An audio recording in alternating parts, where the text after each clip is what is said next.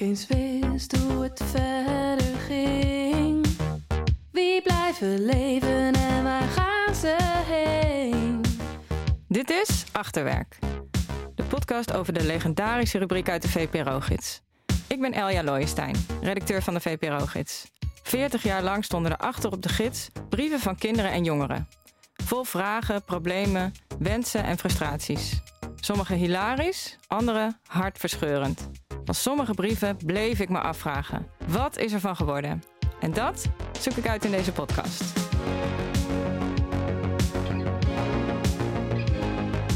Ik zit hier op de redactie van de VPRO-gids met Katja de Bruin. The one and only. Leuk dat je er bent. Wij zijn allebei redacteur geweest van Achterwerk. ja, klopt. Ik schrijf nu eh, vooral over boeken, literatuur. Maar in 1991 eh, kwam ik in dienst als junior redacteur Achterwerk... om brieven van kinderen en jongeren uit te kiezen. En dat heb ik 15 jaar gedaan. Toen nam jij het over. Ja, toen nam ik het over. En ik heb hier een brief uit 1994. Wat herinner jij nog uit die tijd? Eh, ja, nou ja, sommige brieven die, die waren eigenlijk van alle tijden. Die kwamen ieder jaar wel terug. Maar volgens mij was 1994 het jaar dat Kurt Cobain eh, zichzelf eh, door zijn hoofd schoot. En Mhm. dat was wel een eh, enorm ding. Toen werd ik echt bedolven onder de brieven van de diep eh, verdrietige Nirvana-fans. Ja, ja. Deze brief gaat heel ergens anders over. Ik schrok wel een beetje. Hij heet Ik word moeder.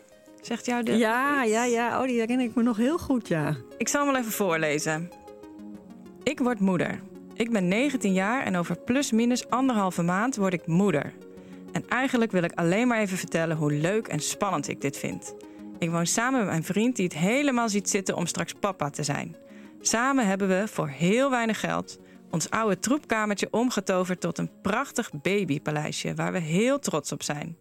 Op zijn tijd roken we samen met vrienden of met mijn moeder een blootje.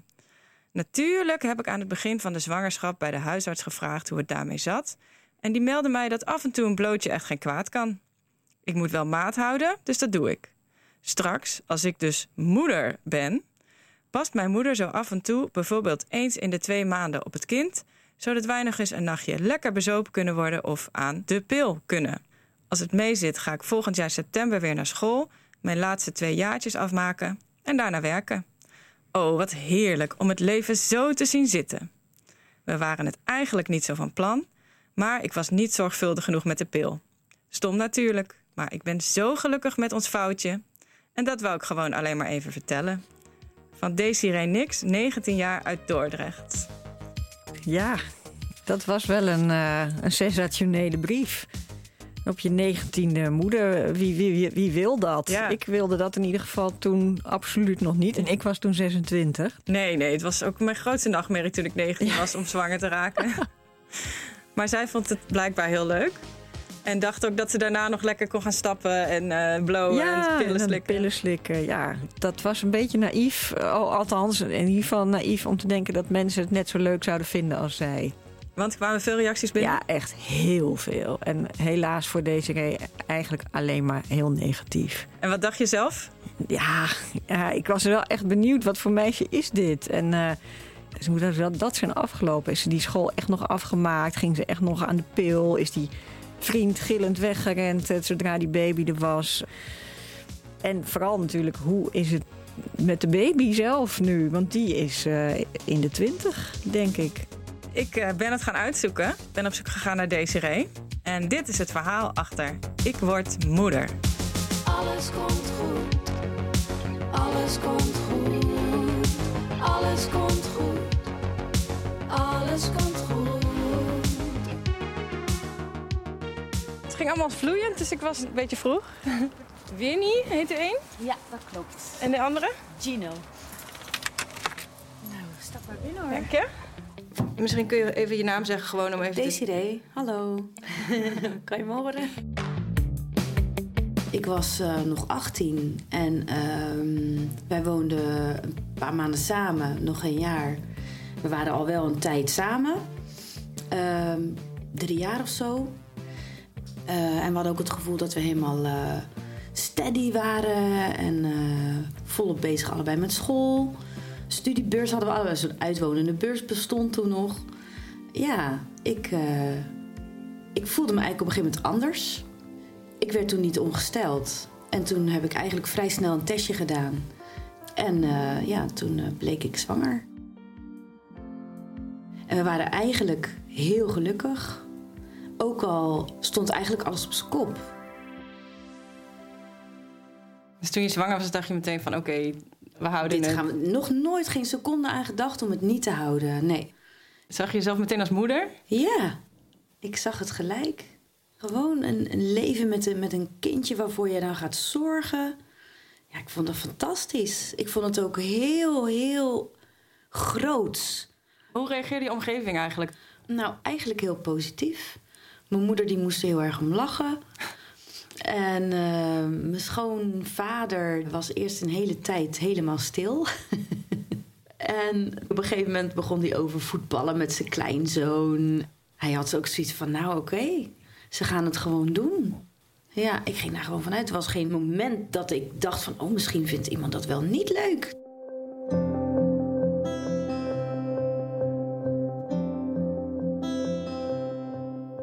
Gegeven moment bracht Mark mij 's morgens vroeg een schuitje op bed. En als ik dan liggend at, dan kon ik eh, zonder eh, misselijkheid eh, de dag beginnen. Ja. Kreeg je ook dan, als je dan over straat liep of zo, dat mensen dan zeiden van... Ja. Mensen keken gewoon mee, warig. Ah, Handen voor de gezicht. Dat ik dacht, nou, nou en? Ik was trots. Zie mij nou. Ik vond het gewoon geweldig. Je moet wel veel zelfvertrouwen hebben op je negentiende om, om er zo in te staan. Nou, maar die zwangerschap die heeft mij ook een enorme boost in mijn zelfvertrouwen gegeven. Omdat het gewoon lukte of gewoon ook door die Nee, hormonen Door en de zo? hormonen. Dat is echt de hormonen kunnen een enorm euforische periode veroorzaken. En dat heb ik echt gehad. Op de top van de berg van geluk.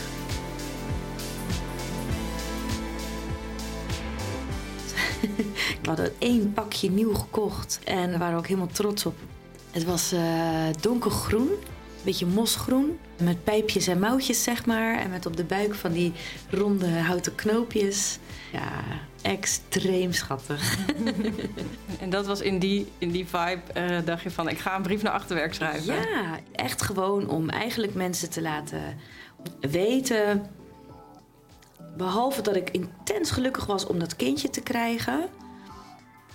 Dat er ook nog een leven naast je kindje mag bestaan. En dat hoewel je nog niet alles hebt gefixt en georganiseerd en dichtgetimmerd en eh, voor elkaar, om het zo maar te zeggen, met je koophuis en je auto en je baan, dan nog kan het gewoon geweldig zijn. Ja, dat eh, had je toen gewoon, daar was je helemaal van overtuigd. Maar je schrijft wel van, ik hou ook wel van uitgaan en van een Ja. blootje en drinken en zo. Ja, ja. dat Ik kan me weet- voorstellen ja. als je 19 bent. ja. Maar vond je dat moeilijk omdat dan, je moest het in ieder geval een tijdje, moest je het wel opgeven. Nou ja, kijk, ik heb een tijdje gehad dat ik elke dag blode. Nou, dat deed ik natuurlijk niet meer. Eh, maar ik ben wel bij de huisarts gaan vragen van... joh, ik weet dat nicotine niet goed is voor je kindje. Ik ben gelukkig geen roker, maar ik blow wel af en toe. Wat doet dat met dat kindje? Nou, dat doet niks met dat kindje, zei hij. Want ik was niet van plan om het uh, vergiftigen of verslaafd te maken of weet ik veel. Het is was wij niet lichamelijk verslavend, maar dat wilde ik gewoon wel kortgesloten hebben. Die brieven, die reacties die je dan kreeg, kon je je voorstellen dat mensen zo reageerden?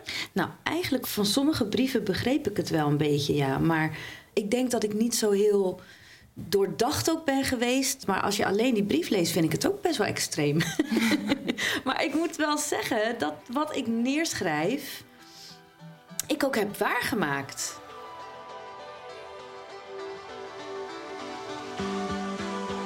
In de babytijd ben ik negen maanden thuis geweest. Ze is geboren in december. En in september ging ik weer naar school. Dus ze kon net voor op de fiets zitten, zodat wij haar naar kinderdagverblijf konden brengen. En uh, je dacht van daarna ga ik gewoon weer lekker nachtenlang op stap en zo. Uh... dus dat schrijf je wel. Ja, dat schrijf ik wel, ja. Dat heb ik ook gedaan. Mijn moeder die sliep af en toe bij ons. En dan gingen wij gewoon stappen. En dan kwamen we om drie uur thuis. Niet om vijf uur meestal, maar ja, wel om drie uur of vier uur. En dan bleef ze zo tot een uurtje of twaalf. En dan ging ze lekker naar huis. En dan uh, waren wij weer met, uh, met Sanne. En was het ook een makkelijke baby? Ja, een heel makkelijke baby. Ze sliep goed, ze was vrolijk, ze ontwikkelde goed. Wat dat betreft waren er echt geen zorgen. Geen haar op mijn hoofd die eraan twijfelde of het mij zou lukken. En natuurlijk kan het op heel veel manieren eigenlijk gewoon een struggle zijn. Maar ik was daar niet bang voor dat het zo zou gaan. En het is echt wel een struggle geweest, eigenlijk. Nou, ik was, uh, ik denk 21. Uh, Sanne was 2, zo'n beetje. Ik had mijn diploma gehaald. Tijdens mijn stage had ik een baan aangeboden gekregen. Ik had een huis, een man, een kind. En ik was 21. En dat vloog me op een gegeven moment enorm naar de keel. Ik werd s'morgens wakker en ik voelde als een douche een gevoel over me heen stromen. En ik wist niet anders of het was over. Het gevoel van ik wil dit voor de rest van mijn leven en hij is de man van met wie ik oud wil worden. Het was over. En ik had echt het gevoel, ik verscheur mijn gezinnetje.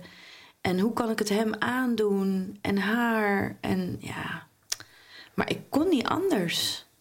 Heb je dat ook meteen gezegd toen je dat gevoel kreeg? Nou, ik heb er niet zo lang mee gewacht. Ik raakte ja, een beetje depressief, denk ik. En ik wilde dat ook voor hem niet. Ik vond dat niet fair. Dus ik vond. Ik vond. Ik, ik, ik, ik vond helemaal niks. Ik kon niet anders dan daarop reageren. Dus ik moest dat zeggen. En hij zag het ook helemaal niet aankomen, neem nee. aan. Nee, het was echt drama. Ja. Wat heb je toen gedaan? Nou, wij zijn uh, eigenlijk een beetje doorgegaan zoals we bezig waren. In hetzelfde huis. Op een gegeven moment hadden we afgesproken... we gaan elkaar uh, loslaten zoveel mogelijk. Totdat ik op een gegeven moment uh, met uitgaan uit eten werd gevraagd door, uh, door iemand. En toen heb ik dat gezegd tegen Mark. En die zei, nou, dat, dat wilde hij niet. Toen zei ik van ja, maar ik ga het wel doen. En hij heeft eigenlijk zijn spullen gepakt, heel snel. En hij is bij een vriend en een vriendin van ons gaan logeren. Nou, toen kwam het echte verdriet. ja, huilen, huilen. Tranen helemaal tot, tot in mijn, mijn decolleté stroomden ze. Echt verschrikkelijk. En, en jullie pra praten dus ook op dat moment niet met elkaar, of wel? Nou, heel uh, minimaal eigenlijk. We brachten dan uh, Sanne van de een naar de ander. Het, het hoognodige werd dan uitgewisseld. En uh, op een gegeven moment was ik bij mijn moeder. En toen ben ik zo vreselijk, vreselijk gaan huilen. En toen kwam hij binnen.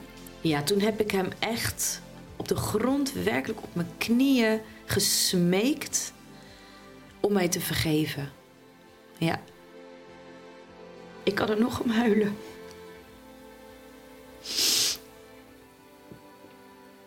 Dat zag ik niet aankomen. ja, dat was zo heftig. Maar hij heeft me vergeven. Op dat moment? Ja, hij heeft me vergeven. Toen konden we eindelijk verder. Hm. Ja, en toen werd het eindelijk weer warm tussen ons. Ja. Kan je heel even... Ja, tuurlijk. Zo, nou. Dus er kwam allemaal niet niks? Nee, dat was even... Dat is ook niet aangekomen. Niet erg. Oké. Okay. Ik zat nog hiernaar te kijken trouwens, even tussendoor... dat, die, dat je dus ook nog het geboortekaartje naar uh, Achterwerk hebt gestuurd. Dat is wel heel grappig. Ja. Hoe kwamen jullie eigenlijk op de naam? Ik vond kort leuk. Ik vond Anne heel mooi. Anne of Anna. Dat vond Mark niet mooi. En Sanne vond hij wel mooi. Haar tweede naam is de naam van Mark zijn oma. Die is vlak voordat ik was bevallen overleden. En zij heette Lot. Daar hebben we Charlotte van gemaakt. En mijn moeder, die heet Cecilia. En dat is haar derde naam. En dacht je toen, toen zij die leeftijd had van... toen ik zo oud was, was ik nu zwanger? Ja. En had je het er dan met haar over? Nou, nee. Nee hoor. Ik had zoiets van, zij leeft haar eigen leven.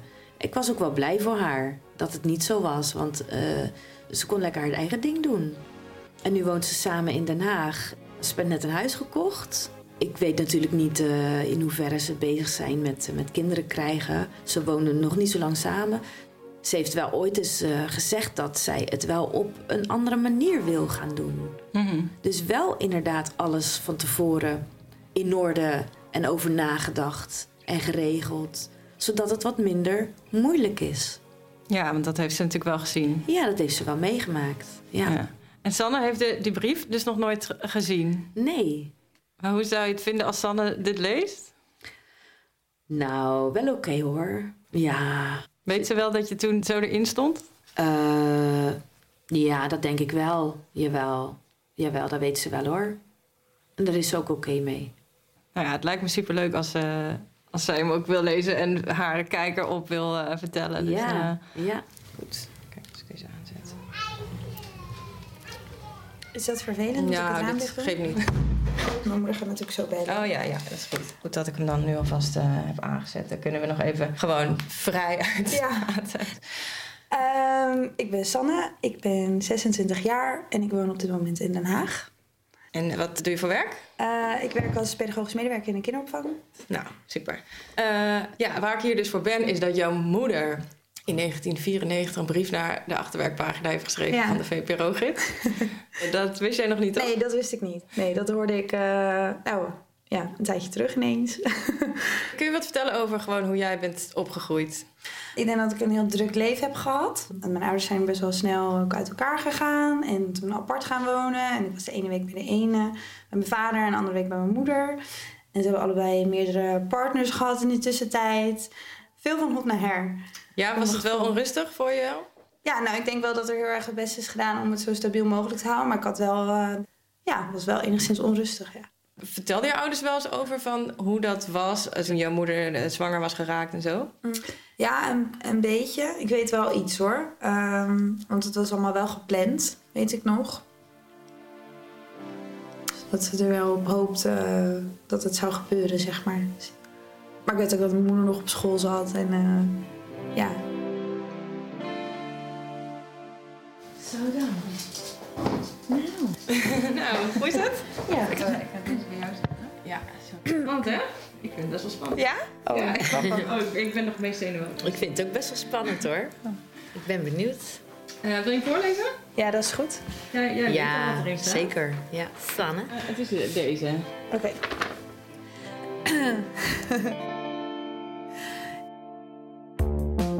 Ik ben 19 jaar en over ongeveer anderhalve maand word ik moeder. En eigenlijk wil ik alleen maar even vertellen hoe leuk en spannend ik dit vind. Ik woon samen met mijn vriend, die het helemaal ziet zitten om straks papa te zijn. Heb ik aan het begin van de zwangerschap bij de huisarts gevraagd hoe het daarmee zat. En die meldde mij dat af en toe een blootje echt geen kwaad kan zodat we nog eens een nachtje lekker bezopen kunnen worden. Of aan de pil kunnen. Stom natuurlijk. Maar ik ben zo gelukkig met ons foutje. En dat wou ik gewoon alleen maar even vertellen. Oh, ik ga helemaal stuk. Ja. Je wordt Ja. gewoon rood. Ja, echt. ja, eigenlijk wist je het allemaal al wel. Tenminste, Nou, we- ik wist niet dat jij werd. onzorgvuldig was met de pil. En dat je daar zwanger bent geworden. Want ik dacht dat het een bewuste keuze was. Ja, maar dat was het ook. Oké. Alleen, dat vond ik een beetje te heftig om met 18 neer te Oh. zetten. Dus dat heb ik zo'n beetje niet gezegd. Oh. En dat heb ik eigenlijk ook, zeg maar, tegen niemand gezegd. Maar papa wist dat wel. Ja, tuurlijk. Nou ja, dat kan toch? Nee, papa wist het. Nee joh, wij hadden het samen besloten. Oh, gewoon, ik ja, maar ja, weet je, als je, dan, als je dan 18 bent, Ja. dan krijg je niet verkocht. Mensen denken, je bent niet goed bij je hoofd. Nou, wat Dus dat wist je gewoon. Ja, nee, oké. Ja. Ja. Herken je je moeder een beetje erin, in die tekst? Ehm, het provoceren en het een statement willen maken, denk ik dat ze dat nog steeds heel goed kan. maar in de inhoud van de tekst is dat niet iets wat ik, waar ik mijn moeder heel erg in herken. Van de verhalen weet ik natuurlijk wel dat dit eh gaande was, maar van mijn eigen herinnering niet. Behalve dan dat ik wel zie dat ze een energieke, vol in het leven staande jonge moeder was. Ja, het- zo kan ik me haar wel herinneren. ja. Ja. Want als ik dit lees, dan zou ik misschien ook wel... Zeker met de kennis die ik heb, denken... Ben jij niet goed? Wat doe je jij? ziet toch een meisje die misschien niet eens meer de tanden in haar mond heeft. Een beetje voor je, toch? Als je het zo leest. Die lekker Ja. met eh, moeder en... eh, mensen die dit luisteren, zouden die ook voor de grap moeten zien. Oh ja. Want je ziet er ook helemaal niet uit alsof jij überhaupt weet hoe je ecstasy schrijft. Nou.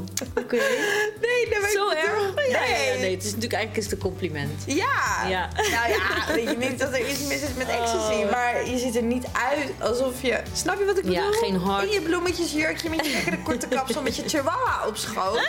Toen verwacht je Ja. niet dat, dat je denkt, nou zo, ik heb mijn wilde jaren gehad. Ja. Ja. Maar ja, ze, ze weten gewoon natuurlijk helemaal niet hoe het echt zit. Nu weten we het wel. Ja, Ja. ja, ja. Now you know. Ja. Ja. Alles komt goed. Alles komt goed. Alles komt goed. Alles komt goed. Ja, now we know. Nou, we know. She did it.